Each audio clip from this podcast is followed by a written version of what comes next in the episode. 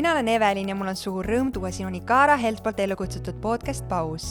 siin podcastis on fookus erinevad teemad naiseks olemisest ja emaks kasvamisest ning seda tõetruult, teaduspõhiselt ja hinnangute vabalt aga et erand kinnitab reeglit, siis selle nädala isadepäeva valguses on mul suur rõõm rääkida tänases saates Mardoga tema isaks olemisest, võitudest, väljakutsetest ning rõõmudest sellel teel. Mardo põimis meie vestlusesse nii värvikalt mõtteid ka fotograafiast, spordist ja ettevõtlusest ning ma olen päris kindel, et siit saatest on midagi kaasa võtta absoluutselt igaühel kui see saade sindki kõnetab, siis jaga seda kindlasti mõne oma sõbra või lähedasega ja ka tagasiside on alati väga oodatud. head kuulamist!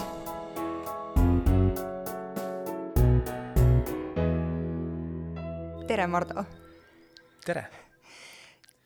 kohe on isadepäev ja mis oleks parem viis, kui pausis ka üks äh, päevakajaline äh, saade teha selle tähistamiseks ja võib-olla sellisele tavapärasele emadusteemadele ja spetsialistide vaadetele tuua sisse üks äh, ähm, kaheaastase poja isa. oled kohe kaheaastase poja isa, ju? kolm päeva tänasest hetkest ja ma olen kaheaastase poja isa. võimas aga sa oled ühtlasi ka väga palavalt armastatud fotograaf ja ma ei saa küsimata jätta kohe siin saate alguses võib-olla sellest fookusteemast natukene eraldiseisvalt. kuidas siis fotograafi peres on, kas nii nagu vanasti äh, või vana kingsepa väljendi kohta, et enda perest ikka piisavalt pilte ei ole või, või vastupidi, neid äh, mälestusi on jäädvustatud küll ja veel? jaa, tead, see nali, et kingsepal pole kingi, tegelikult peaaegu töötab, sellepärast et pilte on, aga, aga mitte piisavalt, ma arvan. ja mulle endale meeldib just ju mitte nii, et ma lihtsalt teen, vaid ma tahan olla hästi põhjalik ja lastega põhjalik, et sa ütled, et ole paigal ja vaata siia, unusta ära. et ma olen õppinud Roveniga, oma pojaga väga seda, et äh, just seda hetke tabama, mida ma olen terve elu, mul on viisteist aastat olnud äh, fotograaf ja ma sa ütlesid, ma olen hea fotograaf, kas ma nüüd hea olen või mitte, ma olen äh, Eestis üks äh, nõutud reklaamifotograaf, et mulle meeldib see, mis ma olen viieteist aastaga ise rajanud, et iga, iga see sekund on tund sinna alla pannud, aga mis puudutab laste pildistamisse, siis lapsi ma töös ei pildista, välja arvatud, kui nad on kusagil reklaamis. ja, ja kodune, see, ma arvan, meil on piisavalt pilte, kuigi mulle väga meeldib palgata teisi meid jäädvustama, sest lapsed, see ei ole lihtne, neid ei ole lihtne jäädvustada on sul fotograafina mõni nipp äh, vanematele, äh, lapsevanematele, kes, äh, ma, ma usun, väga paljud samastuvad sellega, et enne lapse sündi on telefonis noh, mõned pildid seal nädalas ühest ja teisest sündmusest, võib-olla mõnest õhtusöögist tehtud pildist, kui laps sünnib, siis on tuhandeid pilte sellest ühest esimesest püreeampsust või neid emotsioone on nii meeletult palju pilti püütud, aga võib-olla keeruline moment tuleb siis, kui neid pilte on vaja kõiki sorteerima hakata. on sul mõni hea nipp selles osas, et kuidas siis neid hetki valida, mida jäädvustada ja mida mitte? see väljavalimine üks keerulisemaid asju üldse ja mina soovitan, ma olen väljavalimise maailmameister, kuigi mul on oma ettevõttes on mul selle jaoks inimene, kes seda teeb, siis ma soovitan vähe ja kvaliteetset. et üks selline oskus on meil olnud ja minul, mina olen selle treeninud, et sa, sa hirmsasti tahad kõike igaks juhuks alles hoida ja see lämmatab lõpuks selle emotsiooni, mida see pilt sulle pakub, et kui sul on võimalus, pildistasid, võta nelikümmend sekundit, vali kaks sellest neljakümnest, ülejäänud kustuta ära. ja, ja, see oskus järjest pareneb, et kui sa teed seda juba kahekümnendat korda, siis sa hakkad kõhutunde järgi äh, valima pilte. ja päeva lõpuks, kui ma su käest küsin, et kas sa tahad äh, südatalvel sööd ühe väga hea suure Eesti maasika ära või sa saad neli kasti neid sa ei hinda, mida sul nii palju on, et mina soovitan teha hästi väike valik. ja no neid pilte tuleb iga päev nii palju juurde, videosid, klippe, nii et sa ei, tark on toimetada ikkagi igapäevaselt, äh, teha see valik, minu arvamus. kas see on äh, selline mõtteviis on sul kõiges elus, et äh, ainult vähe ja kvaliteetsed? jaa, mul on see kujunenud, see ei olnud nii. sest me oleme kõik looma poolest ju kogujad, aga sõna otseses mõttes, et mul jääks kappi riided näiteks ette. et teist korda peab küsima, kui ei kanna, ma annan ära, viskan ära, kohe. no pigem annan, alati viin sinna kogumisse. et elukaaslane küsib, et, et aga siis ma ütlesin, kui ma ei ole kandnud teda nagu aasta aega, mis ta siin seisab, kui ta just ei ole mingi custom-made ülikonnad, mis vahel seisavadki mul seitse kuud ei ole ja isegi ei vaata sinnapoole, siis enamus asjad ma olen väga hea ära, minu meelest see on ära viskamine on uue nagu loomise alus, et, oskus, elu on nii lühike, miks sa kogud asju, ära kogu asju. kuule, aga isadusest, ähm, mida isaks olemine sulle tähendab? kas ma olen ainuke mees, kes on käinud siin podcast'is? ei ole. teine? teine mees, ma olen täna teine. aga isadus, küsimus oli, et kas ta on, mis ta on muutnud või? andnud. võib-olla, mida see üldse sinu jaoks tähendab esmalt? sa oled lapsevanem ise? jah. See on eh, tohutu tunnete bukett, mis, eh, mis avaldub, et eh, mulle meeldib öelda, et süda ei, sel hetkel, kui sa saad isaks, et süda ei lähe suuremaks, aga ta hakkab mahutama tuhandeid kordi rohkem, lihtsalt hämmastamistundeid sa tunned. ja võib-olla sul olid ennem need tunded olemas, nüüd sa õpid lihtsalt neid väljendama. ja ja minu meelest isadus üldiselt on, vanemlus üldiselt on selline boonus, mida, mida ma loodan, et kõik inimesed saavad kogeda oma elus. et sa ei pea olema selle jaoks, ma arvan, ka bio-, lihtsalt bioloogiline isa, sa võid olla, sa võid kasvatada kellegi teise lapsi, aga see toob esile midagi sellist, et äh, see aja mõiste, aeg ja ruum muutub tohutult, sest lapsi ei saa, saab kindlasti aga sulle meeldib see, kui sa ei saa neid, sa ei saa neid ähm, ära toimetada. Et sa lubad neil kulgeda ja see on hästi tore protsess istuda ja vaadata, mida nad teevad, kuidas nad leiavad rõõmu nii lihtsatest asjadest, äh, mille me oleme ise ära unustanud, sest täiskasvanud, siin on ju deadline'id, sul on vaja sul on vaja mingit staatust kasvatada enda ja ümber äh, enda jaoks, et ähm, panevad hindama ja nägema aega teistmoodi ja see mulle väga meeldib. kui palju lapsevanemaks olemine on mingeid selliseid päästikuid või, või trigereid kuskilt äh, sinu enda varasemast elust välja toonud, millega sa nüüd pead teadlikult tegelema, kui on üldse e,? kindlasti on, aga mul, mul on e, olnud elus selline võimalus, et täis jackpot, sündisin siia ilma ehm, hästi lihtsasse perre, ilma isata, isa, isa ei olnud minu kasvu juures. Kui oli, siis äh, lubas, aga kunagi midagi ei teinud. Äh, kesised võimalused, võib-olla seal noorena tuli valida, kas kuhu teatrisse saad minna. esimest korda täisealisena reisisin äh, Eestist nagu lennukiga välja, et mul ei olnud võimalusi. ja tähend-, see tähendas ainult seda, et ise selle sees olles mu ema suutis ikkagi meil kodus sellised tingimused luua, et ma kunagi ei olnud millestki puudust. ja ta oli, kui isadepäev on, siis ma helistan emale. ja lisaks, mida ta minus ala, alustas, oli see, et ma hakkasin teisi mehi vaatama. võib-olla, kui ma toon näite, ma toon alati palju näiteid, et kui mõni sõber mul on selline ideaalsest perekonnast, vanemad, kõik see, siis ta, siis ta toob välja oma puudustes just oma, et aga mu isa oli ka selline ma ei saa seda puudust mul polnud isa, ma pidin kogu aeg välja mõtlema, kuidas ma selle olukorra lahte, lahendan või kuidas ma nüüd tunnen või kuidas äh,, kuidas ma toimetan siin. seega ma nagu jutumärkides jackpot, et äh, ma pidin hakkama kohe asja lahendama. et täna oleks tulnud lauale midagi lapse sünniga uut äh,, ma arvan, elu on täielik kaos, sa ei, sa ei suuda seda hallata ja kui sa suudad, siis sa elad väga kesi-, kui sa arvad, et sa suudad, sa elad väga kesist elu ja tegelikult sa pole oma piire üldse nagu kompinudki. seega ettevõtjana, endise sportlasena, isana, fotograafi ehk kunstnikuna ma ei tooks välja, et nad erinevad, see on üks, iga päev on erinev ja sa lihtsalt lased sellel minna, sa tunned siis tundeid ja muretsed siis, kui need hetked tekivad, et ette pole mõtet muretseda. muidugi see on aval-, mingid mõtted, mäletan, kui ma sain, laps, olime haiglas, laps oli mul süles, siis äh, ma arvan, et minuti jooksul ma helistasin emale, täiesti uskumatu. Et äh, mul pole tõrne aimugi, mis, mis tunne see on ja kui ma kuskil lapsena jalgrattaga sõitsin ja tulin nagu hiljem koju, siis äh, sul tekkis järsku üks vastutus või mure selle inimolendi ees. ja siis ma mõtlesin täna siin täiega, ütlesin lihtsalt nii, sa ei saa sellest enne aru. et see on kuidagi väga ilus. oled sa tundnud hirmu või, või mure, et sa ei oska olla piisavalt hea isa, sest võib-olla sul endal pole olnud seda isa figuuri elus?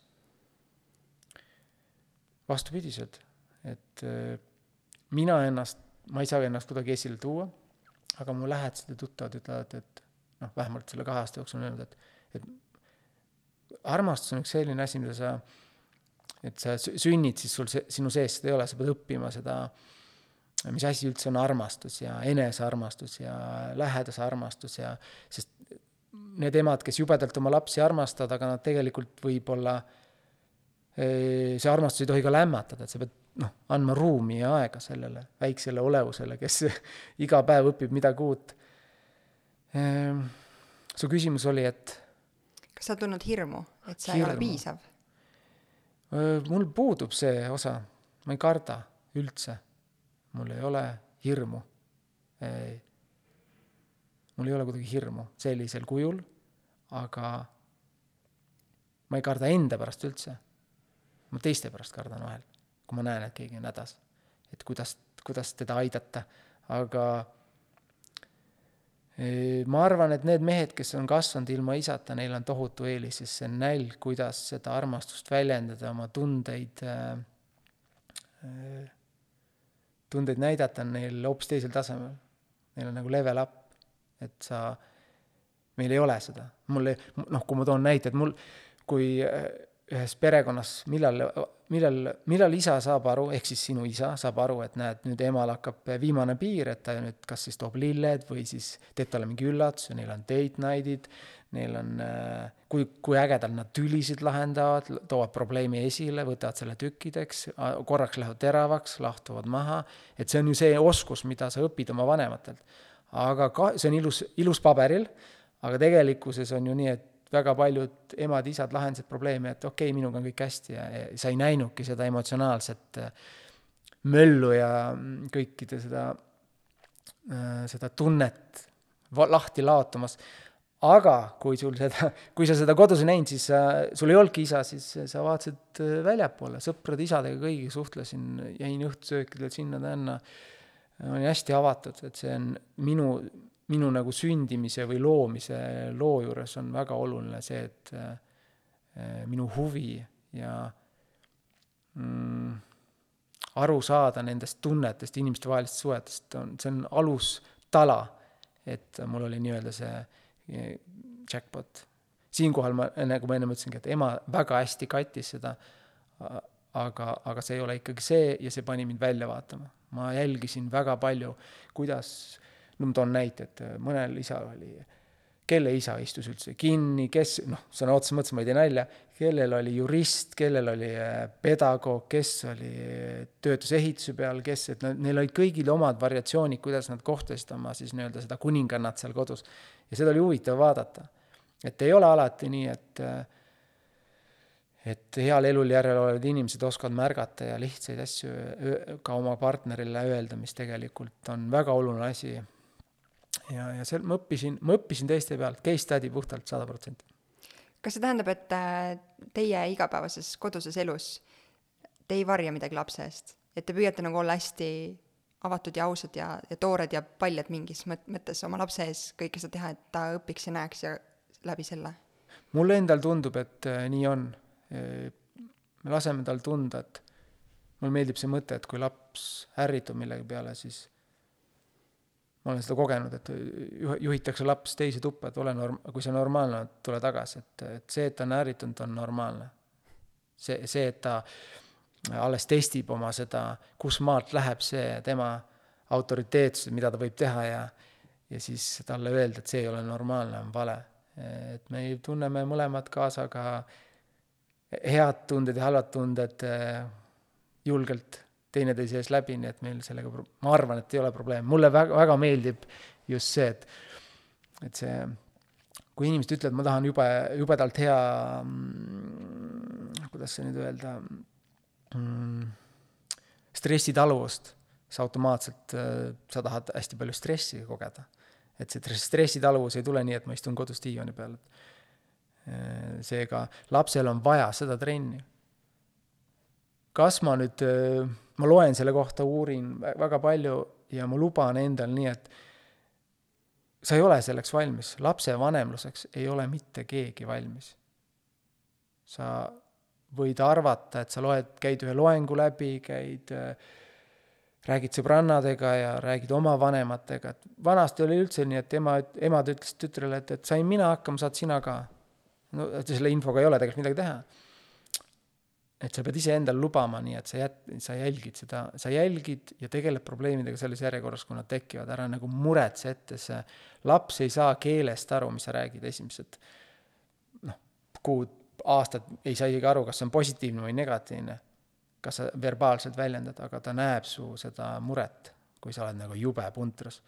seega mõni ütleb, et me oleme jube õnnelikud, sest meie poja magab niimoodi nagu nott ja, ja on olnud elu väga lihtne taga, et, et ma, mina ütleksin, et üksiku tööd, kus me oleme öösel olnud üleval, kui on olnud äh, palavikud ja need, ja siis elu, elukaaslane ütleb, ma olen lootuselt optimist, siis ma vaatangi, olen öösel, vaatan talle otsa ja naeratan seal ja hoian, katsun temperatuuri, kas saan palaviku alla teise, et ma ei leia sellistest situatsioonidest, mul on magamata mingit nagu keegi tuleb mulle hommikul äh, ukse taha ja ma olen öö läbi maganud, siis ma kallistan ta, räägin temaga juttu, ma, ma ei ole, mõni on pahur, ma ei saa sellest aru. aga nagu öeldud, nii spordipsühholoog kui mu elukaaslane on öelnud, et mul on lootuselt optimist ja, ja ma lepin sellega.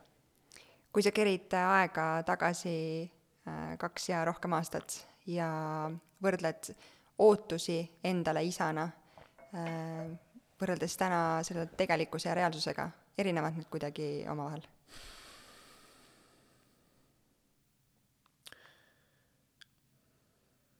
ei, võib-olla ma ei, ma ei tea, mida võiksid, mis loo ma võiksin rääkida, aga mm, ma ei, ma ei erist-, sellepärast, et ma olen viisteist aastat olnud, lisaks sellele, et ma olen fotokunstnik, ma olen ettevõtja. Mm, ma olen sport teinud ja, ja, ja mitte lihtsalt siin meie Eesti pealinnas, vaid üle maailma, maailma karikasarjad, Euroopa meistrivõistlused, maailmameistrivõistlused, reisinud mööda maailma ringi. see stressi level, mida sa seal tajud, kuidas sa lähed, kui mees-mehe vaheline võitlus viib sind sellisesse kohta, mitte et ma tahaks siia lapse kasvatamisse sisse tuua, aga ta viib sind sellisesse kohta, et sa lepid ja hakkad olukorda jälgima, ei süüdista kedagi ja otsid lahendusi. ja inimene, kes otsib lahendusi olukorras, ei mõtle, et tead, kaks aastat tagasi oli ikka nagu neab, et siis oli palju, siis oli lihtsam, kui last ei olnud. ei, minu meelest lapsega on palju lihtsam, ta on, ta on üks ühend, mis, mida siis naine ja mees oma DNA-ga teevad ühe, ta on üks üks supp, mis tuleb ja hakkab, toob uusi asju esile, et mina ei, ma ei oska tuua siin, ma ei tea, mis vastust sa ootad või mis, mis oleks see õige, aga ma, ma tunnen, et ma elan päev korraga ja, ja mõtlen ka pikemalt ette ja ootan huviga, mis see toob. aga et mul oleks olnud mingid ootused, eh, midagi on teistmoodi läinud, ma ei, ma ei saa seda öelda. tahaks jubedalt lugu, siin ühe ägeda loo rääkida, aga ei ole, et, mhm. et see on olnud üks üks, ma arvan, et see on mu elus olnud üks ilusamaid ja ägedamaid teekondi, on olla lapsevanem.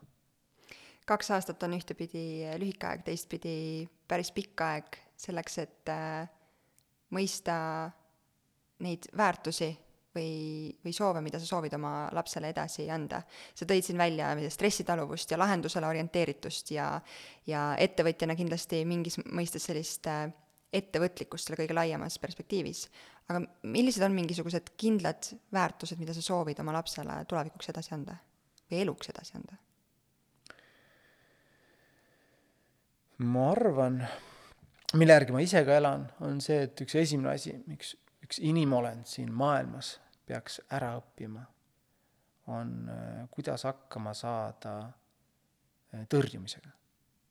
kui keegi ütleb sulle, ma ei taha ma ei anna, ma ei soovi.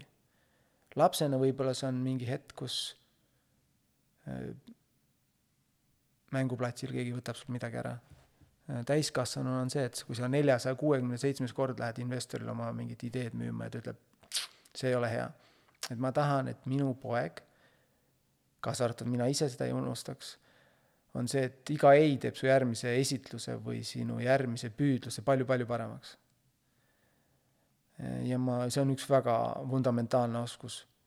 kahjuks, ma ei taha üldistada, aga ringi käies inimesed tihti peale teist ei-d arvavad, et see ei ole nende ala või see ei ole nende valdkond või see ei ole nende inimene, inimsuhted, pa-, partnerlus elukaaslasega, no sealt annaks jumal, et sul on elus kaaslane, kes sulle ikka üle päeva ei ütleb äh, iga asja peale, mida sa, et tal, tal ei pea needsamad asjad meeldima, mis sulle. ja ma arvan, lastele, lapsele mina püüangi õpetada talle, et ei on ei, vaata, kui ma midagi küsin, ta räägib väga hästi juba, meil poja, ta väljendab põhimõtteliselt iga asja, kust toast, mis on peidetud, kuhu on pandud, mida ta süüa tahab, kuidas ta seda süüa tahab, külmalt, soojalt, mis nõuses ta tahab seda süüa ja millal umbes siis eh, ma tahan, et tema ei on ei, ma ei püüa tal nagu maha müüa, et sa ikkagi pead praegult sööma et ta valiks äh, noh, tulles tagasi selle tõrjumise peale, et see on üks väga oluline oskus.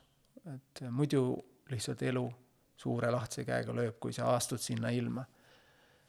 mida veel, on võib-olla see, et äär-, äärmused on hästi ohtlikud, et äh, olles natuke saanud kaasa öelda Eestis hariduses, et ma olen ühe komisjoni liige ja õpetan ühes koolis, annan tunde siis ma mingi hetk tundsin iseennast, et see, et, et haridus on nii hukka, see halvasti õpetatakse.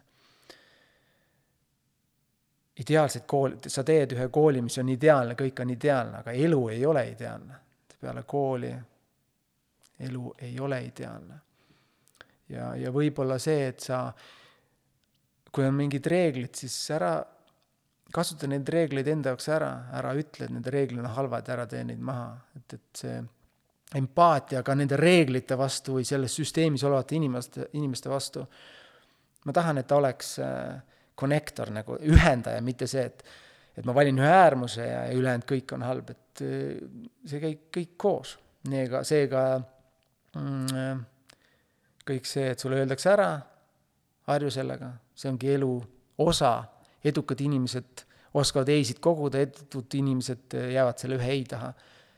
Ja mitte üldistades, vaid et need ei-d on vaja kätte saada, siis sa saad üldse teada, kui hea sa oled, kui, kui, kui heaks sa võid kujuneda. Mm, mis veel, haridus, mulle meeldib lihtsalt see mõte ka, et et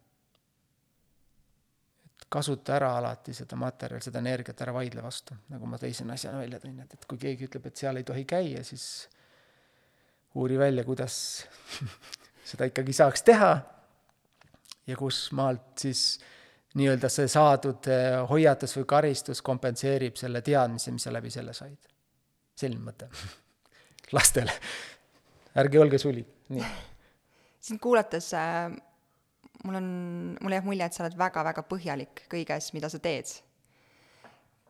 ja sa tõid ise ka välja, et sa oled väga palju lugenud ja sa loed äh, väga palju neil teemadel äh,, aga kas sul tekib vahel ka seda olukorda, et et sa ikka ei tea piisavalt palju või kuidas sellega rahu teha, et, et sa tahad justkui maksimalist olla kõiges?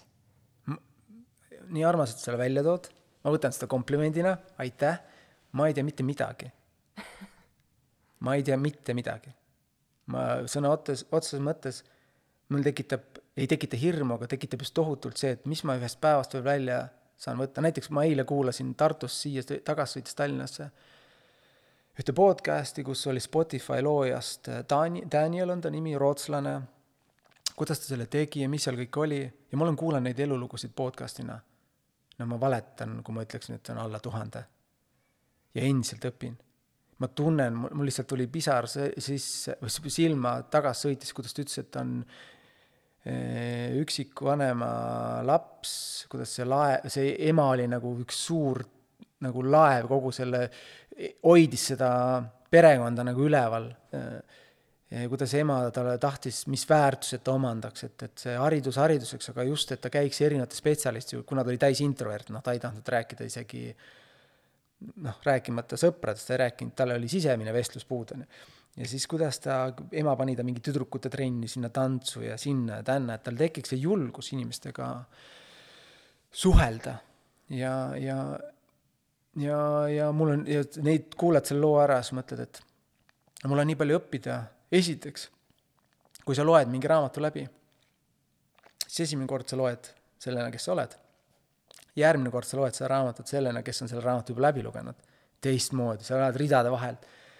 sul on erinevad probleemid, et üks, üks ala, millega ma tegelen, on ka investeerimine, ma annan tuttavatele ja juba ka äriliselt õpetan inimesi äh, mingis ajaühikus, kuidas seal laveerida, mis emotsionaalselt, kuidas tunda, sest noh, investeerida oskavad justkui nagu kõik raha sinna tänna panna, aga see inimene peab muutuma ja selle läbi ma olen ka kogenud seda, et me ikka päris täpselt ei tea, mis me teeme.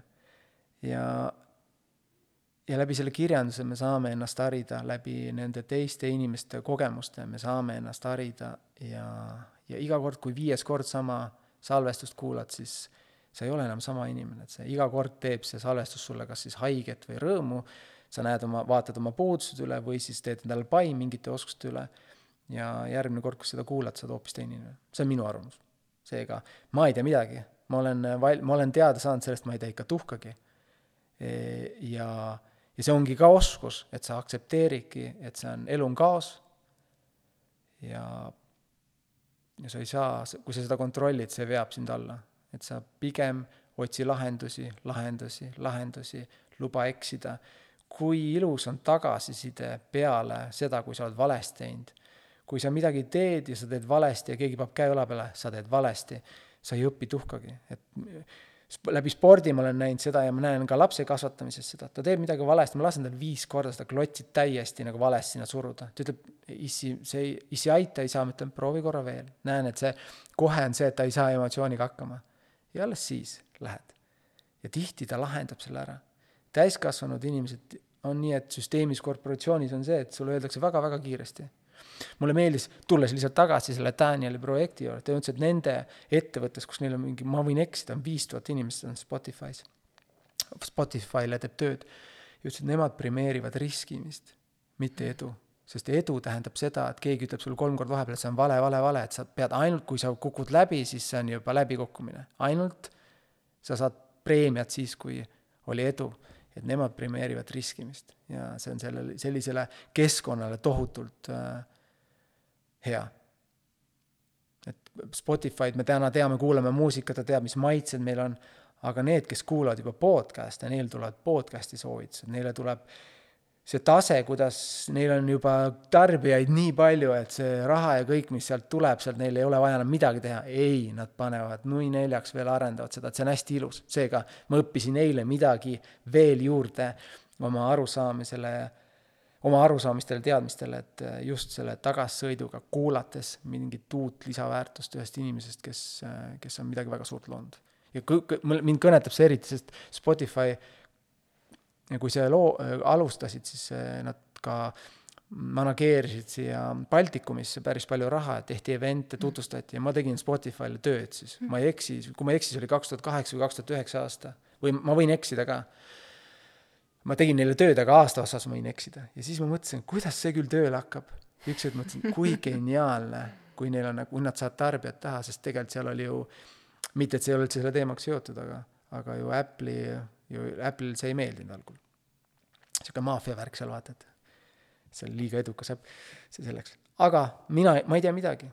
kas sa, kas sa tunned, et sa tead piisavalt ei, aga ma olen ka, ma olen seda tüüpi inimene, et ma küsin alati, miks ja ma tahan teada hästi palju mm. -hmm. ja vahel lihtsalt, kuigi ma olen, ma aktsepteerin seda, et ma ei tea kõike ja ma ei saagi kunagi kõike teada, siis vahel see tekitab minus sellist trotsi, et kui ma ei tea kõike, siis kurat no see on iga argipäev, see on juba sisse arvutatud, sa, ettevõtjana, sul on kogu aeg mingi, otsid lahendusi, optimeerid, et kui tänane, täna hästi optimeeritud asi on homme juba KTM-id, mis valesti läks, et me nii ei saa jätkata, et sa kogu aeg optimeerid, aga sa lubad juba endal selles protsessis äh, jääda alla.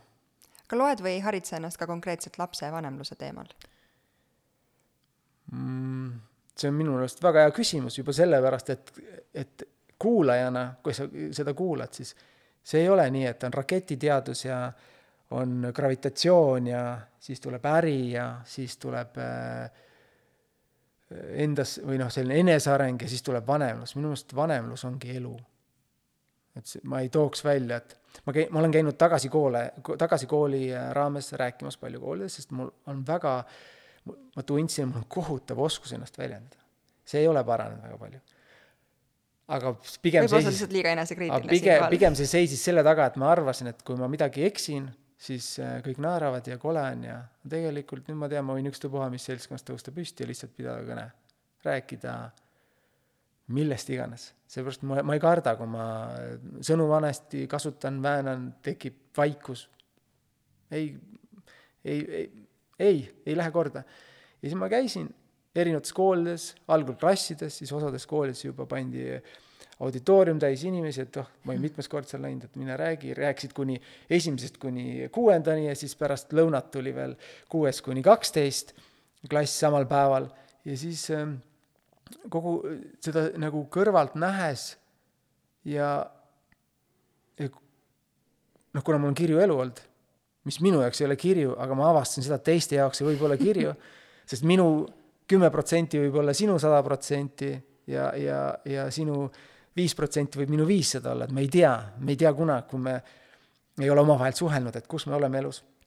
ja siis eh, ma mäletan, ühes koolis ma olin direktori kabinetis, pakuti kohvi, toodi küpsis ja ja siis õppejuhataja ütles, et issand, kui äge oli, ma kuulasin mõlemad need esitlused ära, et nii inspireeriv.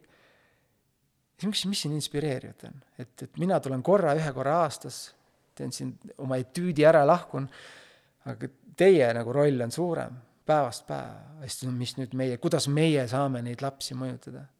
mind tegi, mind tegi lausa kurvaks, et ma ütlesin, et see, kuidas sa igapäevaselt kooli tuled kus sa oma auto pargid, kuidas sa seda teed, kuidas sa tuled kooli uksest sisse, kellele sa ütled tere, kuidas sa suhtled selle tädi, kes kella laseb, kuidas sa suhtled iga õpilase, kuidas sa karistad ja kuidas sa kiidad, kuidas sa riides oled. Ainuüksi see, kui su tund hakkab, kui palju varem sa oled valmis ja kas sa oled ette valmistunud. kas sa, kuidas sa hilinejad kõnetad, kuidas sa küsid, et mis, kas kõik on hästi, miks sa hiljaks jäid, versus miks sa hiljaks jäid see mõjutab neid sest väga suure aja laps oma elust veedab koolis. tuleb, magab, natuke on vanematega ja tuleb teie juurde. Et see on suur vastutus, mina mõtlen seda, et ma oleks õpetaja, ma kodus, see on, see on väga rusuv isegi mõelda, et mul on nii suur jalajälg nende õppejuhatajal näiteks tohutule massile. et kas ma teen oma asjad ära, kas ma arvan, et kool on kas mina olen koolis klient õpilasena või on tegelikult õpilane klient. ja, ja siis ta ütles, et huvitav suhtumine. ja, ja, ja siis ma küsin ühe küsimuse, mis on ühist kehalisel kasvatusel, füüsikal mm,, tööõpetus või, ei, sihukest meisterdatakse, tööõpetus, tööõpetusel, ajalool ja emakeeles, ütles, et ei ole, siis ma ütlesin, on küll, see, selle nimi on elu. seega lapsevanemlus, kasvatamine ma olen, ma arvan, vale inimene, ma hakkasin kohe filosseer-, filoso-, filosofeerima, rääkisin sulle kõigest muust, aga ma arvan, et see ongi elu, et äh, kas vanasti kusagil tribe'is oli niimoodi, et et sina oled lapsevanem ja, ja sina ei ole, et olidki inimesed, kõik hoidsid, kasvatasid. ma ju, pole olemas inimest, kes pole lapsevanem ka, näeb, et silmanurgas laps kukub, et ta kohe ta nagu ilma mõtlemata äh, mis eh, kohas ta elus see laps on või milline ta riis on, ta läheb, aitab teda, et see, see on meie kõigi sees olemas. minu arvamus. See, kuidas sa räägid, äh, see on midagi, sa ei räägi nagu lihtsalt tavaliselt, et on nii, äh, sa tõid, sa ise kasutasid ka sõna, et sa filosofeerid selle, nende teemade üle. Kas sa oled alati olnud selline, nagu sa näed laia pilti kõikides, kogu elus või see on midagi, mida sa oled pidanud elu jooksul õppima ise juurde mm,? ma arvan, et me kindlasti ei ole need, kellel, et me sünnime kellegagi. järjepidevus. ma olin spordis täielik kobakäpp. os-, noh, lihtsalt vaatasid peale, ütlesid, et no sellest poisist ei saa Eh, see on järjepidevus, igat oskust saab õppida. Ma arvan, et meil on DNA-s olemas see, just see hoolimine, et me näeme väikest, nagu ma tõin näite, et laps kukub, sa kohe pumm, lähed teda aitama. aga ülejäänud oskused, kuidas olla ruumis, kuidas arvestada teistega, mis on aeg mm,, empaatia, et meil on vaja ikkagi kogeda mingeid sündmuseid. meil on, hea on, mina kui mees ütlen, et minu elus pidi olema mingi arv, teatud arv läbikukkumisi ja ma loodan, neid tuleb veel, millest siis ma kujunen. laps samamoodi vajab neid. seega hästi ohtlik on see, kui lapsevanem hakkab ära toimetama, teeb talle pehmendused igale poole ja kiivrid pähe ja see, et siis, siis ta hakkab neid kokse hiljem saama, eks koksud ei jää saamata, need tulevad igal juhul. aga see filosofeerimine on olnud mus, mul, minu sees on sünnist saati, aga võib-olla ma hakkasin sellest rääkima alles siis, kui ma olin äh, kakskümmend kaheksa. Et enne seda kuidagi tundus, ma ei olnud keskkonnas, ma ei olnud, mul ei olnud sõpru, kelle nad oleks küsinud, et mis sul viga on. et täna pole täna pole minu sõpruskonnas pinna, sellist lihtsalt pinnapealset rääkimist nagu puudub, et need, mitte et mul on need sõbrad, lapsepõlvesõbrad endiselt minu ringis olemas, aga ma veedan nendega vähem aega. et mulle meeldib äh, just äh, arutleda mingite probleemide üle, mis, milles ma olen, pole veel hea. Et siis läbi selle jõuda tõele lähemale. aga, aga ma toon näite, sest ma ei saa rääkida, mul on väga raske rääkida kellegi teise mingitest raamatuartiklitest, aga minu elus näiteks sport, kui, kui, kui, kuidas üks mees, sa ei saa, kui sa alustad ühe spordiga, sa ei ole valmis. sa õpid läbi võistluste näiteks, teised samasugused, sa näed selles keskkonnas, see ärevust, kõik see pinge ja sa õpid sellega lihtsalt elama, sa tunned, et äh, see on nagu avalikkuse ees esinemine, et sa tunned lihtsalt mingi sinnamaani, kuni teised räägivad ja sa kommenteerid, aga kui sa paned ennast ise kirja, et sa pead rääkima viiesaja inimese ees mingi loo, kuidagi söögiisu läheb ära, uni läks ära, nii, mul, mis asjad siin selja peal pingest nagu pinges on, neerud on valusad kuidagi, põlved valutavad, iga kahekümne minuti tagant käid WC-s, mis asi see on ja selles kohas inimene areneb kõige rohkem, et kui sa suudad lapsel välja mängida, et ta, et tal on sellised kohad ja ka täiskasvanud inimesel, mis, kus sa tunned neid samu asju, neid äh, tundeid, siis sa, kuidagi aeg peatub ja sa haldad seda hoopis teistmoodi, sa õpid uue kogemuse, ehk siis pinges, kuidas, kuidas seal hakkama saada. see on nagu jalgrattasõit, sama asja enam uuesti nii hullult ei tunne. kuigi ma olen, mul on üks niisugune number, mis ma alati ütlen, ma olen teinud kuussada jujitsu fight'i millest ma olen võitnud äh, viissada kaheksakümmend ja kakskümmend kaotanud. ma olen kuue, ma tutvustan ennast, tere, mina olen Mardu Manimägi. ma olen Jiu-Jitsus kuueteistkordne Eesti meister, ma olen kaks tuhat neliteist aasta Euroopa meister ja ma jõud-, parim koht, kus ma jõudsin, oli maailmas kuue hulka, kahjuks ma ei võitnud. kuulad seda lugu kuussada võit-, või kuussada fight'i, nelisada, viissada kaheksakümmend võitu, kuulab, nagu kuulab nagu muinasjutt. aga tegelikult see ei olnud nii, esimesed kolm olid kaotused. ma oleks võinud öelda, et see ei ole minu sport. see ei ole minu, nalja teed, ma enne seda, kui ma sinna sporti läksin, olin ma Heiki Nabi sparringupartner, kes nagu maailma parimaga treenisid iga päev, alles siis vahetasin sporti, läksin submission wrestling usse ehk siis Brasiilian jiu-jitsusse. et miks ma siis ei loobunud? ma võtsin vihikusse, panin kirja, et nagu miks on nii, miks on nii, et ma olen trennis nagu jumal, aga võistlusel miinus kaheksakümmend viis protsenti oskused kukuvad. mis see pinge minuga teeb? Et kuidas saada pingelises olukorras mitte saja peale, noh, see, see on naiivne loota, et sa jõuad saja peale, aga saaks nagu, saaks viiskümmend viis, et siis ma juba valitseksin Eestis seda, seda, neid, neid meistrivõistluseid. ja siis seda ma lahendasin. iga nädalavahetus Euroopa linna, suurlinna turniirile minnes, ööd magamata, pinge, võistled ja, ja õpidki seda ruumi ja, ja seda tunnet nagu haldama, et sa saad aru, et ära see ei lähe. aga selleks saab tegelikult eksisteerida. ja, ja tulles tagasi suurtelt turniiridelt, ma märkasin seda, et trennis aeg, lihtsalt teised on nagu, teised käivad sinu jaoks aegluubis. ja see ei ole ainult sport, see oli ka äri, sa said aru, et et millal sa tunned, et sa teed õiget asja, kui ikkagi mõni õhtu ei tule und, sest sa mõtled, kuidas need arved saab makstud. selle nimi on ettevõtlus ja see, sinna peale saab midagi ehitada, tähendab, sul on see riski äh, riskitunnetus paigas, sa ei tee mingi üle, üle lihtsalt otsuseid. su otsuseid, sa hakkad tegema vähem otsuseid, aga need muutuvad kvaliteetsemaks.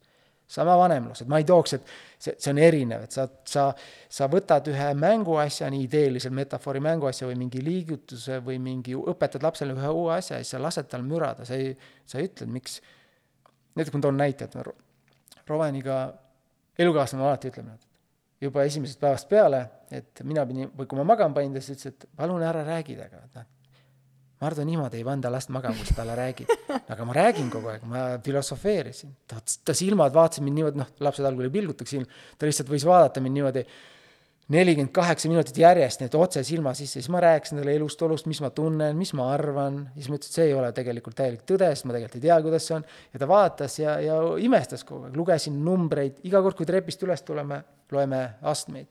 üks hetk, aasta ja paar kuud loeb numbreid kaasa. no tal on alati see mingi, et üheksat ta ei ütle, ütleb kaheksa ja kümme, on ju. siis ma ütlen, kus üheksa on, siis hakkab täiega naerma, ütleb üheksa. aga mina, mitte mina ei pannud neid sinna, vaid ma tekitasin talle võimaluse ja mitte ühe korra mitte kakskümmend korda, vaid iga kord, me kunagi liftiga ei lähe, täna läheme alla lifti ette, issi ei trepist. et ma lapsega saaks liftist minna, kui tuleme suurte kohvritega, see on ikkagi läbirääkimine. et me läheme alati trepist. ja mida ma tahtsin öelda, et sa järjepidevalt tekitad mingi küsimuse ja ta ise lahendab ja, ja ei, alati ei paranda, kui ta valesti ütleb. las see jääb sinna. kui ilus on valesti tegemine, et keegi teeb midagi valesti ja, ja elab selle teadmisega mingi hetk, arvab, et see on tõde ja üks hetk keegi ütleb, siis ta näeb ise, et tead, see on vale. et see, sealt õpime me rohkem, kui keegi kogu aeg targutab ja õpetab. targutab sind. ma jäin nüüd pikalt jälle rääkima. see on väga okei okay,, sind on äärmiselt põnev äh, kuulata. see kaks aastat, ma usun, et on olnud aeg, kus äh, Roven on suur osa, suure osa ajast äh, teiega veetnud. olnud oma ema ja isa valvsa pilgu all aga ma ei tea, kui palju ta täna hoius käib või, või lasteaias või, või mis edasised plaanid on, aga üks hetk sa ei saa kaitsta teda ja üks hetk sa ei saa teda ise sealt trepist viia ja neid numbreid äh, jagada ja rääkida. sa pead andma selle vastutuse kellelegi teisele. tunned sa mingis osas selles hirmu või elevust hmm.? see on väga hea küsimus ja ma olen selle peale palju mõelnud. esimesest päevast peale olen ma tegelenud sellega, et ma lasen teda nagu natuke lahti et, et sa oled ta loonud ja siis sa lasedki ta lihtsalt, lased tal avastada, ta iseseisvalt väga hästi mängib, vahel nelikümmend viis tund aega loeb seal oma raamatuid, käib, asjatab, loeb kõiki tegelasi, kes ta seal, Vikerkaar, see, teine, kolmas, neljas. see on üks hingele kõige suurem pai, meil on kodus selline lastetuba, kus üks osa seinast on klaas. see õuevalgus tuleb sinna kõik ja, ja siis naljatame kogu aeg elukaaslasega, et et see on selle vaese inimese lapsehoidja, et sa saad köögis toimetada ja süüa ja sul laps lihtsalt, sa näed teda kogu aeg. aga meil käib, meil on kaks erinevat lapsehoidjat ju, ja enne juba, kui tavaliselt emad naasevad, me juba kasutasime neid peale aastat. ja ta maailmalt on väga iseseisev. ma ütleksin, et äh, mingitel hetkedel ma isegi ütlen stopp, ootame, las ta lahendab selle ise ära, et ta lahendab väga asju hästi äh,, väga hästi asju ja, ja ma ei tunne selles jällegi hirmu, sellepärast et ma olen ise kasvanud ka samamoodi. ja tead, mingitel hetkedel me olime just terve nädalavahetuse ära eemal ja hoidja hoidis, äh, tähendab, mu ema küll hoidis ja siis mingi tekib mingi, vahepeal mingi mõte, et kuidas läheb. aga siis ma juhingi sinna, et niimoodi, niimoodi sünnivad erakordsed inimesed, kui sa lased neil nagu leiutada ja, ja õppida ise seega ma ei tunne selle ees hirmu, ma olen sellega tegelenud esimesest päevast peale. ja kui me õueski jalutame, siis ma vahel jalutan, kui me oleme mänguväljakul väga palju aega koos, siis ma kunagi ei, ei puutu telefoni. ja siis ma jalutan vahel, kui on võimalik pargis seal jalutama, ta seal, seal kalamajas saab nalja nii palju, siis ma jään nagu viisteist meetrit maha ja vaatan, mis ta teeb kus ta räägib seal muruga, teega, kividega, kõigiga, purskkaev loobib sinna-tänna. mingi hetk oli jubedalt, tahtsid kinni hoida, et ta sinna purskkaevi kukuks, ta ei kuku. ta teab, mis ta teeb. sina arvad, et ta, ta ka, äh, kukub. ja, ja, ja kihvt on, see on, see on, see on oskus, mida ma pean veel arendama, aga ma ei tunne selle ees hirmu, sellepärast et mm, et sa pead laskma tal olla. aga see nõuab väga suurt usaldust, äh, nii lapse enda vastu kui ka nende inimeste vastu, kes su lapsega potentsiaalselt sel ajal veedavad, kui sina ja. ühe silmaga teda ei jälgi? väga paljud küsivad, kuidas sa usaldad? ettevõtlus sama, kuidas sa usaldad? sa, maailmas luuakse erilisi ja imelisi asju, emotsioone, teenuseid tavaliste inimestega.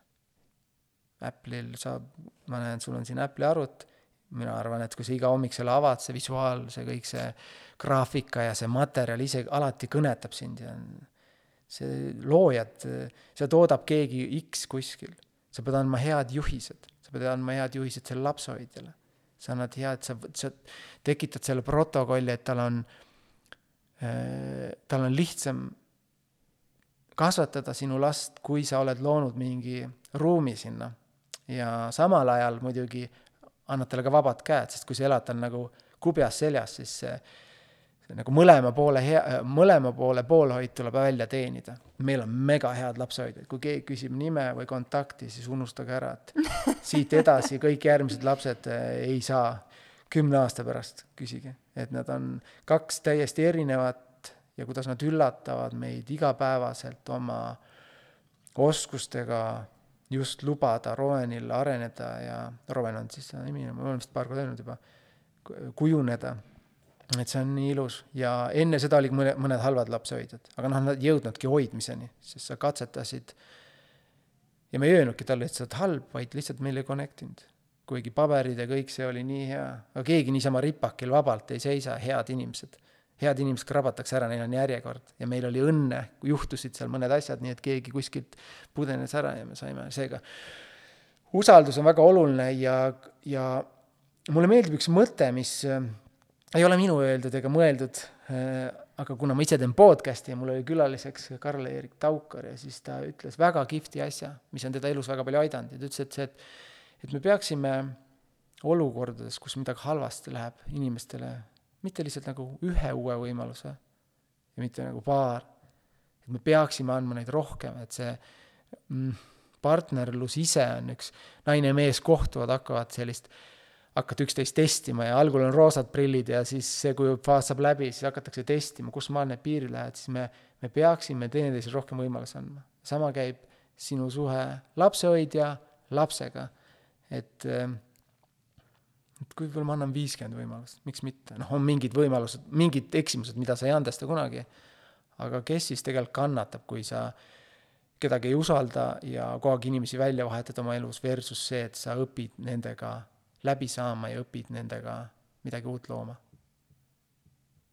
selline mõte aga täna sa saad äh, konkreetselt valida neid inimesi, kes su lapse ümber on. ühel hetkel sa ei saa sa saad valida kooli võib-olla, kuhu su laps läheb, aga sa ei saa valida igat õpetajat, igat aineõpetajat. sa tõid enne välja, välja selle Tagasi kooli projekti raames kohtutud õpetajaga, kuidas äh, sa võib-olla avasid talle sellise uue äh, vaate sellest, kuidas äh,, kuidas sa hilinejaid tervitad ja kuidas sa uks, kooli uksest sisse astud, et kõik see mõjutab äh,. kuidas see sind tundma paneb, et, äh, et sa tead, et tulevikus su laps puutub kokku inimestega, kes võib-olla ei tee nii, nagu sina teeksid, mis oleks, annaks paremat ja suuremat väärtust su lapsele? või see on elu paratamatus? jumal tänatud, see ongi elu. et kui kõik oleks nagu mina, mis, mis maailm see oleks? ma juba, juba siiralt loodan, et ta on, et ta võtab minust nagu ühe tüki alt kaasa, et, et ta ei, kui ta nagu mina olen, siis copy paste, mis me siis vähe, vähe sellest, et kõik ütlevad, ta on visuaalselt minu copy paste, siis vähe sellest, kui ta räägiks ja, ja filosofeeriks nagu mina. ma arvan, sealt lähebki kaasa see, ainuüksi see, kui sa mm, sellist tõrjumist õpid nagu, saad aru, et see on argipäev, see on nagu päike tõuseb ja langeb ja sa pesed hambaid, siis sul on see oskuste baas, kuidas inimestest aru saada, et inimesed tõrjuvad mingi põhjusega, kui keegi käitub seltskonnas halvasti, kas see on siis ilus tegu, kui sa lähed, ütled, minu meelest sa käitud halvasti ja sa oled halb inimene ja see teine, ei, see, see ei muuda teda, tema, tal tuleb oma elus need õppetunnid, kus ta õpib, kõik õpivad, lihtsalt ühiskond eksisteerib nii. aga lihtsalt aru saada, et kellega ma aega veedan, see, kui keegi on sinu jaoks halb või halb eeskuju, siis äh, mitte, et äh, ma väldin, vaid ma õpin talt neid asju, millest mul võiks olla kasu. ja ma nendin või nii-öelda aktsepteerin ka neid asju, millest mul ei ole kasu, sest see on, see õppimiskõver on tohutu, kui sa äh, minu, ma suhtlen igapäevaselt inimestega, minu töö on fotograafia mõne jaoks lihtsalt see, et vajutad nupule ja see teine, see on, minu klientuur on väga suur ja just sellepärast, et inimesed ütlevad, ma olen hea inimeste inimene, et see kaheksakümmend protsenti on see, mida te, mida ei saa lihtsalt, see ei ole lihtsalt pilt, vaid ma suudan neid avada. ja ma tahan, et mu lapsel olekski ka see oskus, et ta suudab äh, olles õppida ka halvimatelt parimat. et meis, noh, kui, kui keegi, kellegi isikuomadused sulle ei meeldi, siis sa võid nagu terve elu olla ta elus nii, et sa kogu aeg lähed ja ütled, ta ikka, tee seda teeb halvasti, tee seda teeb, unusta ära. Mõtle, mida ta hästi teeb ja mine selle järgi. haridus minu jaoks on puhtalt ka see, et sa, see kraad, ma olen vabakutseline terve elu, et see kraadiga, mis sa selle kraadiga teed, ma neid kraadiga inimesi tean, paljud tuttavad on mul väga suurte võimsate kraadidega. aga vaata, startup'erid, kõik badass mm -hmm. Eesti hullud elunautlejad, nad, nad, nad teevad ise endale neid kraade, nad loovad seda mm, keskkonda. ja kui, kui, kui miski ei meeldi, siis sa saad sealt ruumist ära minna ja kui sa oled väga hea inimene, siis sa oskad sealt lahkuda ilma kedagi solvamata. ja ma arvan, see ongi see, et jumal tänatud, kui ta läheb ellu, klassi, igas klassis on äh, kiusaja ja kiusatav.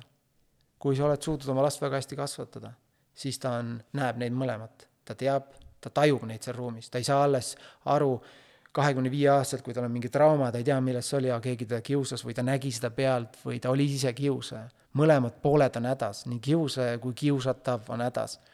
et neid nagu ära võtta süsteemist, see on, võib-olla ma praegult räägin midagi sellist, mida keegi ei taha kuulda, aga mõelge päriselt. elu on, sa kuuled jär-, üht, mi-, ma ei taha seda sõna kasutada, võib-olla ma ei tea, kas ma tohin siin podcast'is öelda, aga elus on need, on, elu on täis võib-olla, on inimesi, kes on lihtsalt halvad, on sellised sitapead miks minu sõpruskonnas ei ole neid, seepärast ma, ma, nad, neil on nii raske siin selles äh, mullis hingata, neil on keeruline kohe, sest, sest äh, nad, nad pigem läheks ära. seepärast, et ma panen neid võib-olla halvasti tundma juba sellega, et ma küsin, et mis, mis, mis see on see, mis sind paneb täna nii käituma. ja tal on, kas ta nüüd vastab ja ta liigub edasi või ta lihtsalt põgeneb.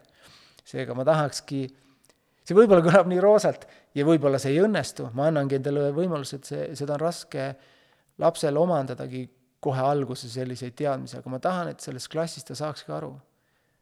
ja siis on tema otsus, kas ta astub sinna vahele, kas ta kaitseb kedagi või ta, eh, või ta vaatab seda külje pealt. ma võib-olla toon ühe asja, ühe mõtte, mis mu ema eh, kasvatas, minu kasvatuses oli, et, et kui sa tegid midagi halba, ma ei tea, võtsid kellelgi midagi ära, kiusasid, tegid midagi sellist, mis on selle süsteemi vastu, siis sul endal sul on kaks os-, sul on kaks võimalust, kas sa ütled, tõstad käe üles, tunnista üles, mina tegin selle paha teo, saad siis selle nii-öelda karistuse või saad selle koht-, mõistmise, et näed, et saad selle eest selle märkme ja selle teise, või sa jätad rääkimata. kui sul on võime jätta rääkimata, mis inimesel tegelikult DNA-s, lapsel on väga raske, kui ta hoiab seda enda sees, siis ta õpib ka siis, et tead, nii raske on elada koorem peal. lihtsam on ära rääkida aga miks me ütleme vanematena, et sa pead alati üles tunnistama, kui sa seda tegid, sa pead ütlema? ei pea. kui see on superpower, et sa terve, sa oledki inimtüübilt selline, kes kes hoiab neid asju enda sees ja läbi selle tekitab sellest mingi, noh, ma ei ütle, et keegi hakkas mingi pahandust tegema, aga sa mõistad mind, et la, minu ema ütles alati, et ise sinu otsus. mina ei lähe ütlema, et Mardo võttis selle ja tegi seda halvasti. Ta andis mulle sellise ruumi aja, kus ma ise otsustasin, et see õi-, tegu ei olnud õige Läksin, ütlesin, näed, ma tegin seda. aga ma ei pidanud seda tegema. ja mulle meeldiks, see on kuidagi ilus mõte, et ta, kõik lapsed võiksidki otsustada, et neile, neid ei kästa, et sa tegid pahandust, mine tunnista ülesse. et nad tajuksid seda, et see ei olnud ilus tegu. nagu laps saab ilmselgelt aru, kui ta kellelegi halba teeb, et ta tegelikult tegi halvasti. Aga kuidas ta seda menetleb ja mis otsusele tuleb, võib-olla võib-olla meil on roosas maailmas ja tegelikult lapsed seda omaks ei võtagi ja, ja kuna mul on alles olnud esimene laps, siis ma pole kogenud eh, seda, milline see tulem tuleb, siis ma räägin sulle väga ilusat juttu. ja kuue, kuue lapse emad kuulavad seda, ütlevad, et Mardo, sa elad vales kohas. aga minu reaalsus ei peagi olema teie reaalsus ja, ja mina tunnen seda, mina proovin nii õpetada. Ja äh, elu näitab, elu alati näitab miski, kõik tuleb alati välja. nii on. sa oled rääkinud sellest, et sa oled fotograaf, et sa tagasi kooli raames oled käinud tunde andmas, et sa teed podcast'i ja sul on investori rollid, ma usun, et neid on veel, mida sa siin täna ei ole nimetanud. selle kõige kõrval mul on väga suuri kahtlusi, kas sul on rohkem kakskümmend neli tundi ööpäevas või kuidas sa seda kõike jõuad? ma arvan, aitäh heade sõnade eest, ma ütlen sulle ausalt, et äh, Elon Muskil ja mu koristajal, mõlemad ütlevad, neil pole aega. ütleb, helistan koristajale, kas saad teisipäeval tulla, mul on võte, superstaari võte, see pärast on kindlasti palju läga. Ütleb, tead, mul ei ole, mul nii kiire. ja helistaks, tahaks kuidagi Elon Muskiga kohtuda siin elus, kirjutaks talle nagu sada kirja, mis lähevad junk'i või tuhat, viis, viissada tuhat kirja, mis lähevad kõik junk'i ja siis, kui sa lõpuks kätte saad, tal ei ole ka aega. et eks igaüks on oma aja meister ja planeerib seda. mul on väga palju vaba aega ma olen, me oleme siin täna tööpäeva keskel. aega ei äh,, kindlasti aega ei leita, aega võetakse. et sa tead, et sul on, miski teenib su huve või sa tahad anda, mina arvan, et podcast'i tulla külalisena üks kõige suuremaid võimalusi oma mõtted peast välja võtta kellegi teise küsimuste najal ja siis need uuesti tagasi panna. ma olen homme teine versioon iseendast, nii et ma tänan sind selle võimaluse eest aga kalender, kasutage kalendrit. Mingi... paned sa sinna kirja isikliku aja, pereaja, tööaja? oi, oi, oi, mu kalender on sama kirju kui see muruplats siin õues et ma panen sinna kirja, millal ma unistan, millal ma meditatsiooni teen, millal ma loen raamatut, millal ma olen roveniga, millal on hoidja, millal on meil date elukaaslasega, millal sõna otseses mõttes ma midagi tunnen ettevõtjana, see on, mina teen selle kalendri. ma nooremana ma arvasin, mul oli üks selline väike kalender, seal olid mõned asjad kirjas, ma mõtlesin, et et ma hoian meeles, täna on see level on nii, et mõni, mõni päev on neli tööd. Ja noh, ise jällegi vaatan endale otsa, mõtlesin, miks ma neid nii palju sinna panin. kalender, mõni ütleb, ma käin kolm korda nädalas, teen nelikümmend viis minutit äh, trenni. Siis endise sportlasena mu pool keha on opereeritud ja kui ma trenni ei tee, siis paari kuuga ma tunnen juba, põlv vallutab ja selge see muidu ma olen nagu noor jumal, käin ringi sirge seljaga, mul on väga hea olla, iga päev ja see, siit tuleb üldse üks, võib-olla hüppan siit kalendrist eh, korraks välja, on see, et eh, miks, miks inimesed küsivad, eh, näiteks noored mehed küsivad mu käest nõu, et kuidas nagu hea välja näha trenni mõttes, kust sa selle aja leiad?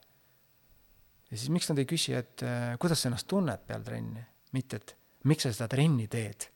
et mitu trenni ma pean tegema, et nii hea välja näha mis, mis see väljanägemine, et väljanägemine ei anna sulle hea tunde, ei anna sulle seda sisemist rahu, rahu, ta ei, ta ei vii sind kokku nende inimestega, kellega sa päriselt tahad kohtuda. minu meelest on väga-väga oluline, et me räägiksime, kui me sööme näiteks midagi lõunaks, aga kuidas see mind, kuidas ma peale seda antud toiduainet ennast tunnen kui ma lähen oma elukaaslasega koju, kallistan teda, kuidas ma tunnen, kui ma teda kallistan, kas ma olen selle inimesega koos, kes tekitab minust selle hea tunde kui ma võtan oma lapse sülle, panen talle nina kaela peale ja hingan lihtsalt kolmkümmend seitse sõõmu tema nahalõhna sisse, et mis tunnet ma siis tunnen, mis tunne on, kui ma saan, keegi teeb mulle komplimendi või ma teen ise komplimendi või tunne on palju tähtsam kui see, milline sa välja näed. mina käin trennis sellepärast, et kui ma kolmkümmend viis minutit teen kükke, kümme minutit olen äh, kõrvaklapid peas saunas tulen sealt välja, siis ma hõljun lihtsalt, ma lähen, ma lähen kontorisse tagasi assistendiga, teen väikse koosoleku ja need otsused ja kõik, mis ma vastu võtan, on kümme korda paremad kui need, kui ma ei ole käinud. ja vahel, väga tihti, kui mul tol-, tekib see ennelõunane aeg, kus ma peaks seal trennis ära käima kolm korda nädalas, siis mul tekib, ma praegu ei jõua, mul on vaja mingeid asju teha, tööasju, mul on läpakas, mingi seid-, kõik on punane, nagu email'e tuleb niimoodi nagu lumepall siis ma ütlen, ei, Mardu, mäletad, need otsused on vaja paremaks saada, mul ei ole vaja sadat otsust, mul on vaja kolme head trenni. et ma tahtsin siia sisse tuua, et kui mul kalendris seda trenni ei ole, no ma ei lähe. ma panen selle sinna. ja kui mingi kalender ei tööta, see nädal oli väga raske, ma olen koormatud, unehäiritud, siis ma, siis ma, ma olen ju nii nutikas küll, et ma saan järgmine nädal seda parandada, seda, ma võtan mingid asjad vahelt ära võib-olla see kõlab targutamisena. millegipärast sõbrad küsivad nõu ja siis ma ütlen talle, et mis ma peaks tegema, et teha seda, seda, teist ja kolmandat. esimesena võta oma kalender ette ja nüüd näita mulle nelja asja, mis sa oled nõus ära võtma, sest sa, sa ei saa laduda uusi oskusi või tegevusi peale, kui need slotid on juba täis. siis tekib ületrenn, seal tekib üleväsimus see inimene, kes lõpuks jõuab koju, see, see ei ole elukaaslane, kellega su elukaaslane koos tahab elada, see, see, sa ei ole see lapsevanem, kellega su laps tahab mängida, sa oled kohal, aga sind pole, sa oled, maja on, aga meest ei ole, et ähm, et võib-olla see oskus tekib ainult siis, kui sa hakkad kõike panema. mul on assistendid ja siis assistent tihti ütleb, ütle, annan talle mingi ülesande, mis ta peab välja otsima või järgmiseks päevaks mingi süsteemi välja töötama. siis küsin, et kas sa kalendrisse paned, ei pannud, siis ma ütlen, esiteks paned kalendrisse kirja, mis sa pead tegema ja siis pane sinna taha ka, mis tunde sinust tekitab, sest kui sa oled algul praktikal, sa ei saa sellest süsteemist aru, et äh, kui me teeme lihtsalt asju sellepärast, et ma käsin, siis varsti sa tüdined ja see, see ei teeni su huve ja see ei arenda sind. aga kui paned sinna taha, mis selle ülesande tegemine sinust teeb, siis sa oled tänulikkusega järgmine päev ütled aitäh selle ülesande eest. et see, selline mõte aga see kõik tuleb ainult seal läbi kalendri. nii et kui sa küsid, kas ma saaksin võtta järgmine mingi X kuu seal nädal aega, lähme sinna, äh, ma käin vahepeal matkamas üksi metsas, ka talvel magan lõkke ääres, siis kõik, kus sa selle aja leiad, ma ütlesin, seda aega ei leia, sa, sa võtad, sest mina vajan seda, mitte keegi teine. ja mis eeskuju ma siis, kui me täna oleme siin läbi vanemluse, siis mis eeskuju ma oma lapsele annan, kui ma olen mees, kes ei vali, mida ta tunneb ja ei lubagi endal tunda ja kogu aeg on kiire ja ma ei saa asju teha. see on päris hirmuäratav, et ta näeb sellist inimahervaret. et ma arvan, et mitte ei pea muutuma töögraafik, töö, amet, tegevused, vaid see, see inimene seal taga, indiviid, kes hakkab aega lihtsalt, saab aru, et on tunnid, minutid ja kaheksa tundi järjest midagi teha on väga ohtlik. tee väikeste tükkidega, vaata, mis juhtus tagasiside, proovi uuesti, muuda, vaheta välja, loe juurde, et mi-, ole selline hästi näljane. ja ma tahtsin ühe asja tuua sisse, mis mul ennem läks meelest ära, lisada, et mida, mida ma siis vanem, vanemina, vanemana tahan oma lapsele õpetada, on risk. mida ma tõin enne Spotify näitena ka, et see riskimine, et kõi-, no mees on puhtalt, elab selle pealt et tekiks flow ja tal on hea olla, on tal vaja päris suur kogus riski. nibin-nabin saab tehtud, see on see risk. ja tal on vaja osata juba midagi, et ta saab seda kasutada, kui sa, kui mina olen oma, ma olen reklaamifotograafina väga hea spetsialist, siis kui ma juhin suurt punti mingit võtet, see on nii kaif lihtsalt, see on nii hea, ma, ma tean, mida ma teen, mul on kõhutunne tekkinud juba selle viieteist aasta peal, ma tean, kuidas asjad mängivad välja, ma tean, seda on nii hea teha aga samas peab olema seal väike protsent, et äkki ei õnnestu. ja siis see ongi ideaalne päev. ja inimesed ajavad riski väga, väga sassi eluolus ja ma tahan, et minu, mu laps oleks ka sellel hetkel, kui ta on, äh, kui ta läheb siis, ta hetkel ta ei ole veel lasteaias äh, ega hoius käinud. no me lihtsalt teadlikult tahame, et ta oleks, kogeks meie kodus, me leiame selle aja, et ka meil, kui meil hoidja on kodus, et ma saan temaga koos aega veeta, siis ma tahan, et ta oleks mees plaaniga ja see plaan, mis tal on, nüüd lapse plaan, kuidas, mis ta elus saavutab või teeb või mis ta päevaplaan on või milline ta kalender välja näeb, see ei pea olema perfektne. mida ma olen kogenud ja tõenäoliselt inimesed ütlevad, ma üldistan, inimesed tahavad perfektset plaani ja siis ei teegi plaani. Why the hell? mul pla-, mu plaanis on auk, kui ma räägiks oma plaanist sulle, sa vaatad, siin on auke rohkem kui vaja, see, see, see on, aga see on minu plaan. luba mul sellega minna ma täiustan ja ära unusta, plaan ei pea olema perfektne, iga päev uus plaan.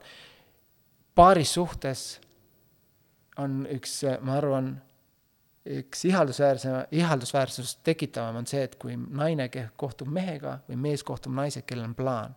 kaks plaaniga inimest on, see on hämmastav, mis nad koos hakkavad tegema. Need plaanid ei pea kattuma, aga võib-olla isegi naisterahvas või me-, naine mehe juures hindab mitte seda turvatunnet, mis ta saab talle pakkuda, et ta on, algab sellest, et ta näeb hea välja, tal on sportlikud mm, sellised igapäevarutiinid, harjumused, ta on teadlik, ta austab ümber olevaid inimesi, siis võib-olla see, et tal on, kas ta on finantsiliselt vaba, ei olegi nii oluline, kui see naine tunneb, et sellel mehel on plaan.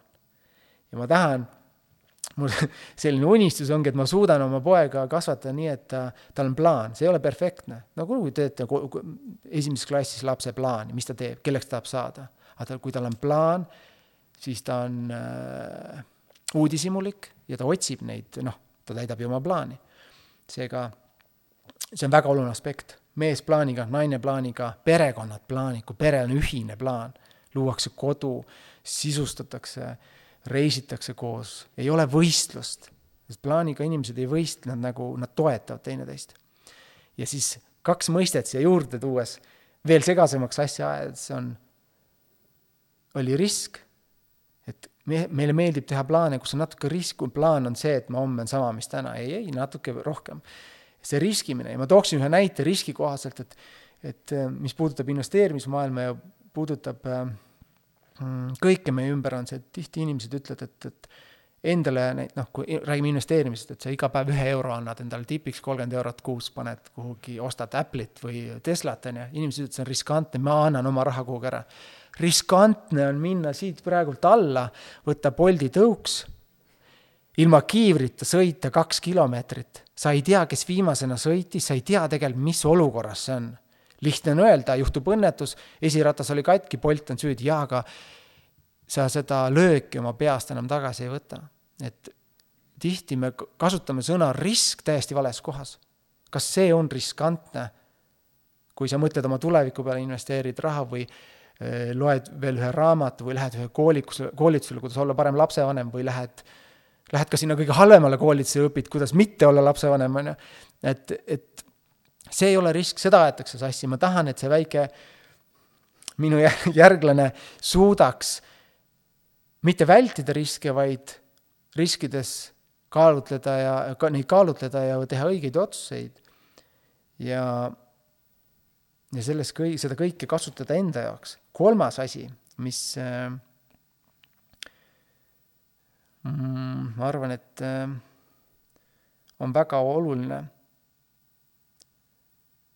selle riskimise juures on see, et ma ei tea, kuidas sind on õpetatud, aga alateadvuses on tihti meid, võib-olla see vastus läheb pikaks, aga, aga on õpetatud seda, et et noored inimesed enam ei lahku kodust, sest alateadvuses on neid kuidagi õpetatud, et see väljas käimine on riskantne, esiteks on kulukas, sa lähed välja mehena, läheme teatrisse, läheme sööma. Huh,, me läheme sinna autoga, ega see ei, see ei sõida ju see vajab kütust ja et see, see risk on raha nagu väljaandmisega, äraandmisega. aga kui palju juhtub, kui sa annad ära? et eh, mulle meeldib ka see mõte, et täna selles sotsiaalmeediasse väga paljud noored omavahel enam ei kohtugi ja jäävad koju narutaga ja ma püüaks talle õpetada, et mine riski, mine kuluta see raha ära. mine välja, õpi inimesi tundma, õpi uusi teistsuguseid inimesi, kui sina oled tundma. mine riski ma ei tea, kas sa oled kunagi nii mõelnud, aga aga see on üks asi, mille, mille, mille peale ma mõtlen ise väga palju, et mina noorusest tagasi mõeldes täna saan aru, et mind hoidis tagasi see, et odavam oli koju jääda. Mõnel õhtul, kui minna välja ja riskida, mis minuga seal juhtub, kellega ma tutvun, äkki ma ei tea, nii palju teadmatust.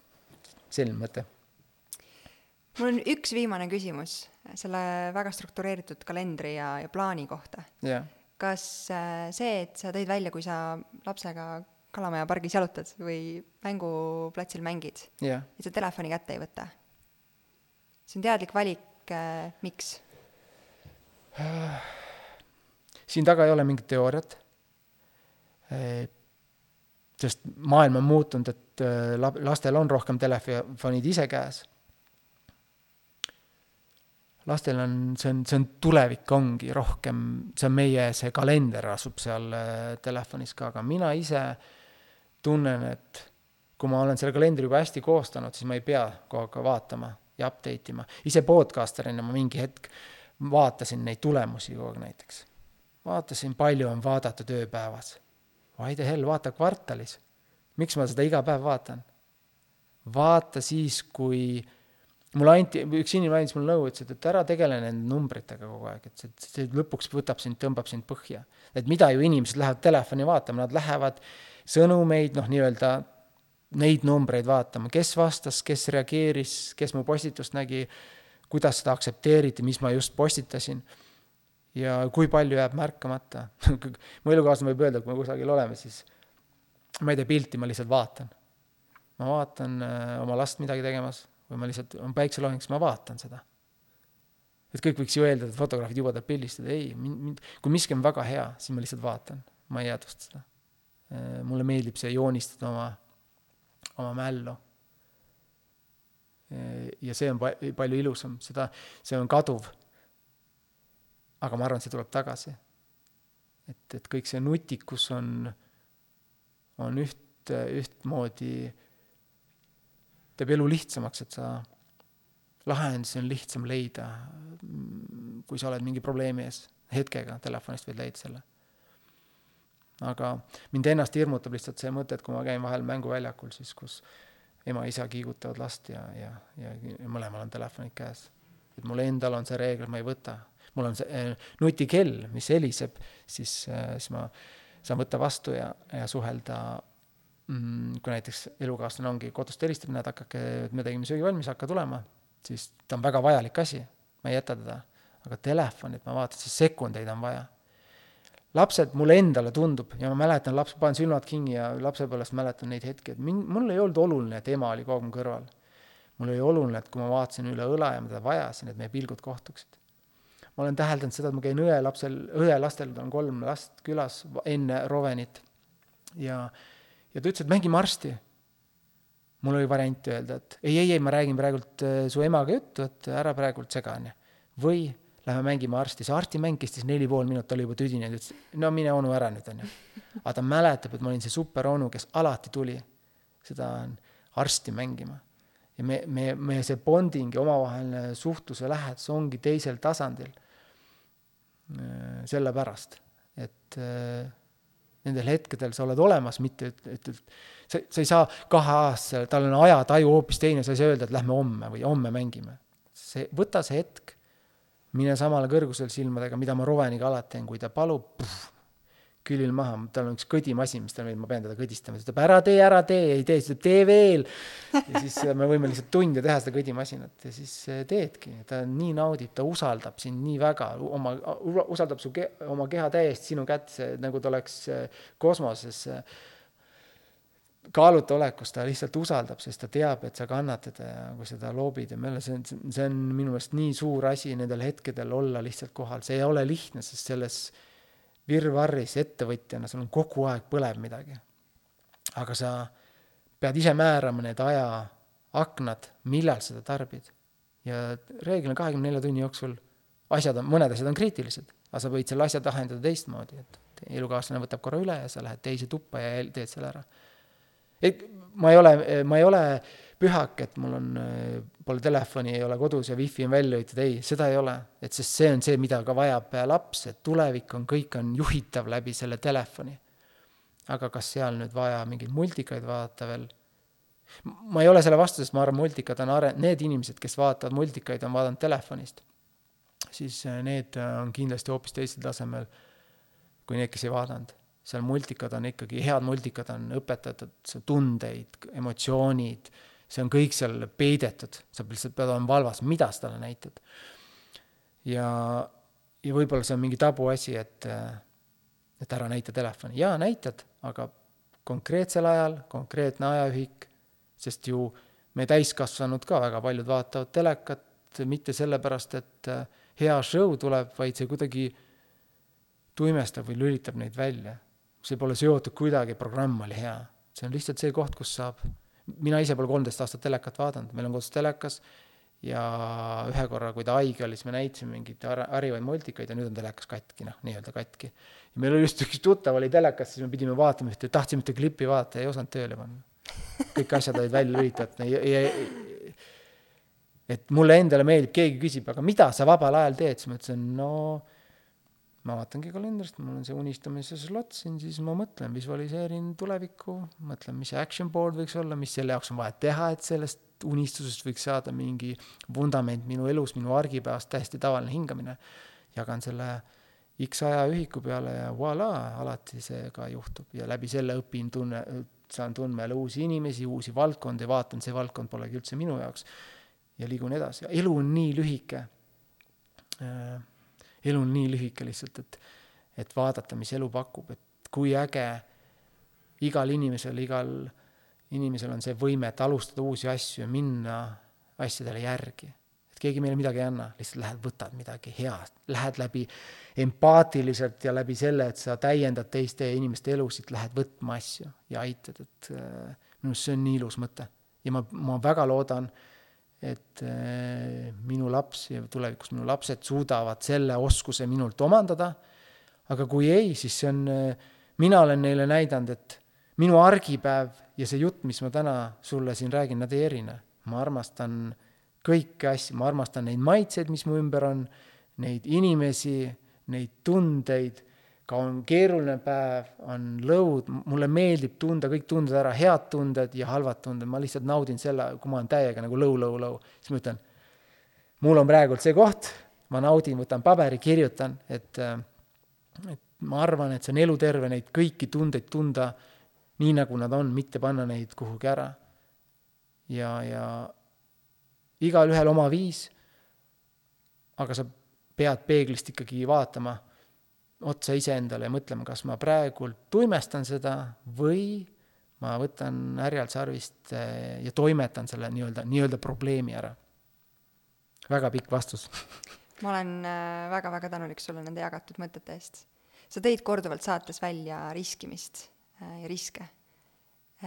Ja su viimaseid mõtteid praegu kuulates ma mõtlesin selle peale, et kas, kas sa ise usud, et see, kuhu sa oled jõudnud täna oma elus isana, elukaaslasena, kunstnikuna, fotograafias, ettevõtjana, investorina, sportlasena, et selle kõige edu saavutamise saladus või selline üks ähm, võtmesõna, võtmetegur on ka see päriselt kohalolu, et kui sa neid asju teed, siis sa päriselt oled kohal.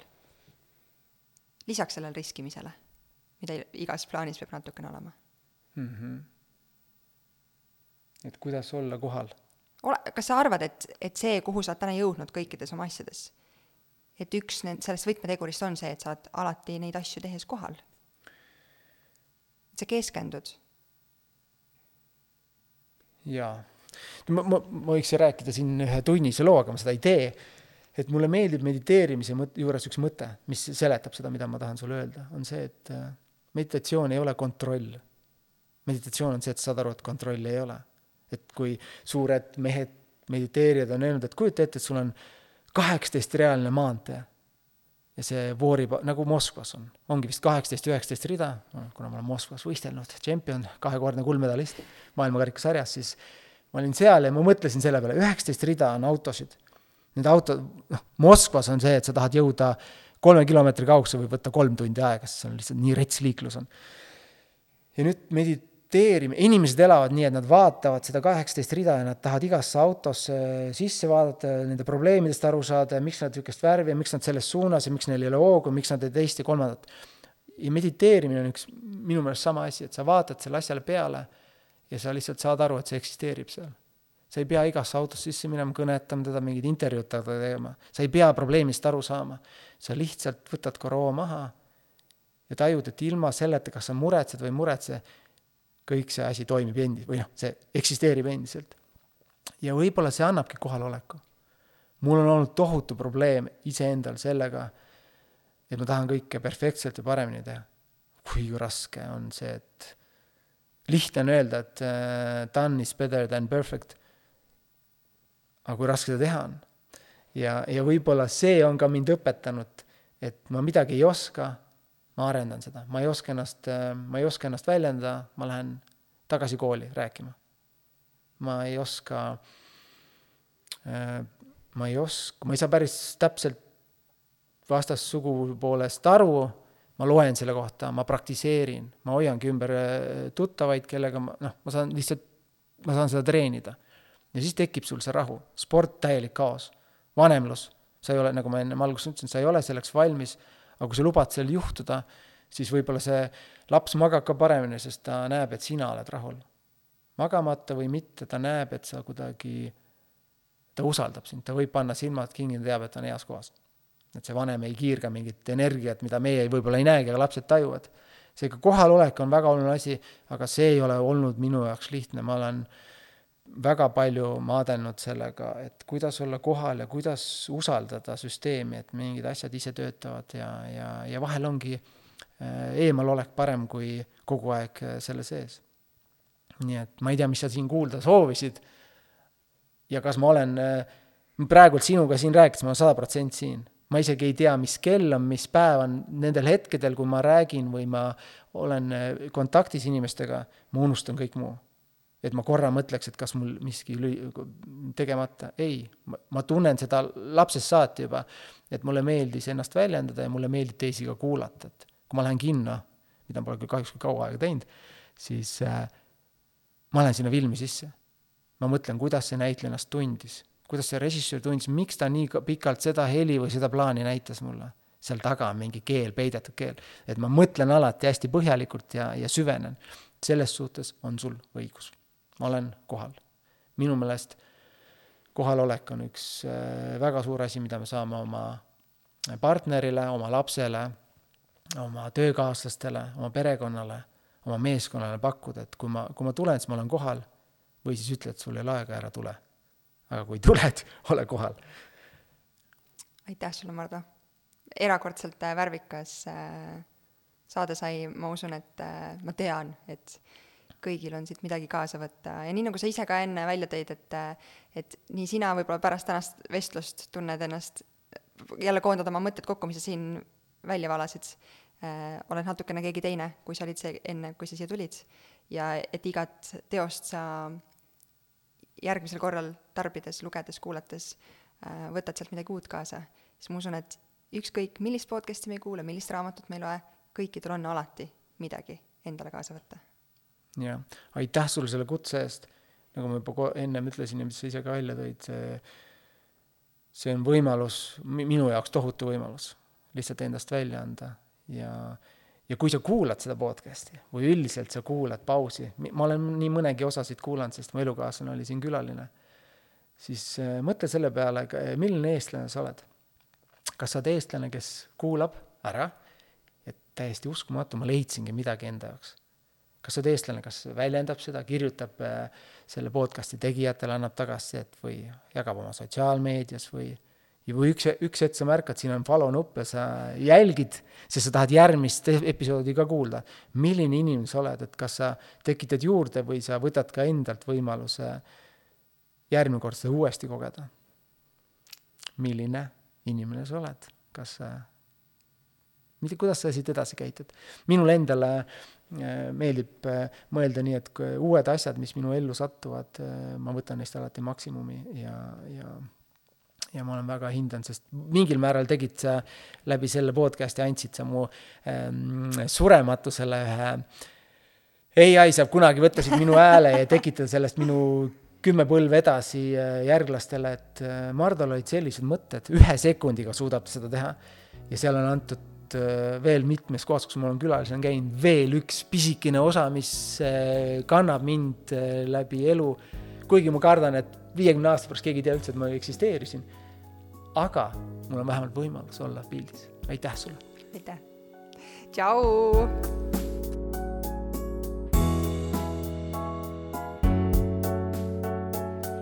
saate toob sinuni Kaara, naiste tervise ja heaolu edendaja rasedus- ning emadusperioodil vaata lähemalt kaaraheld.io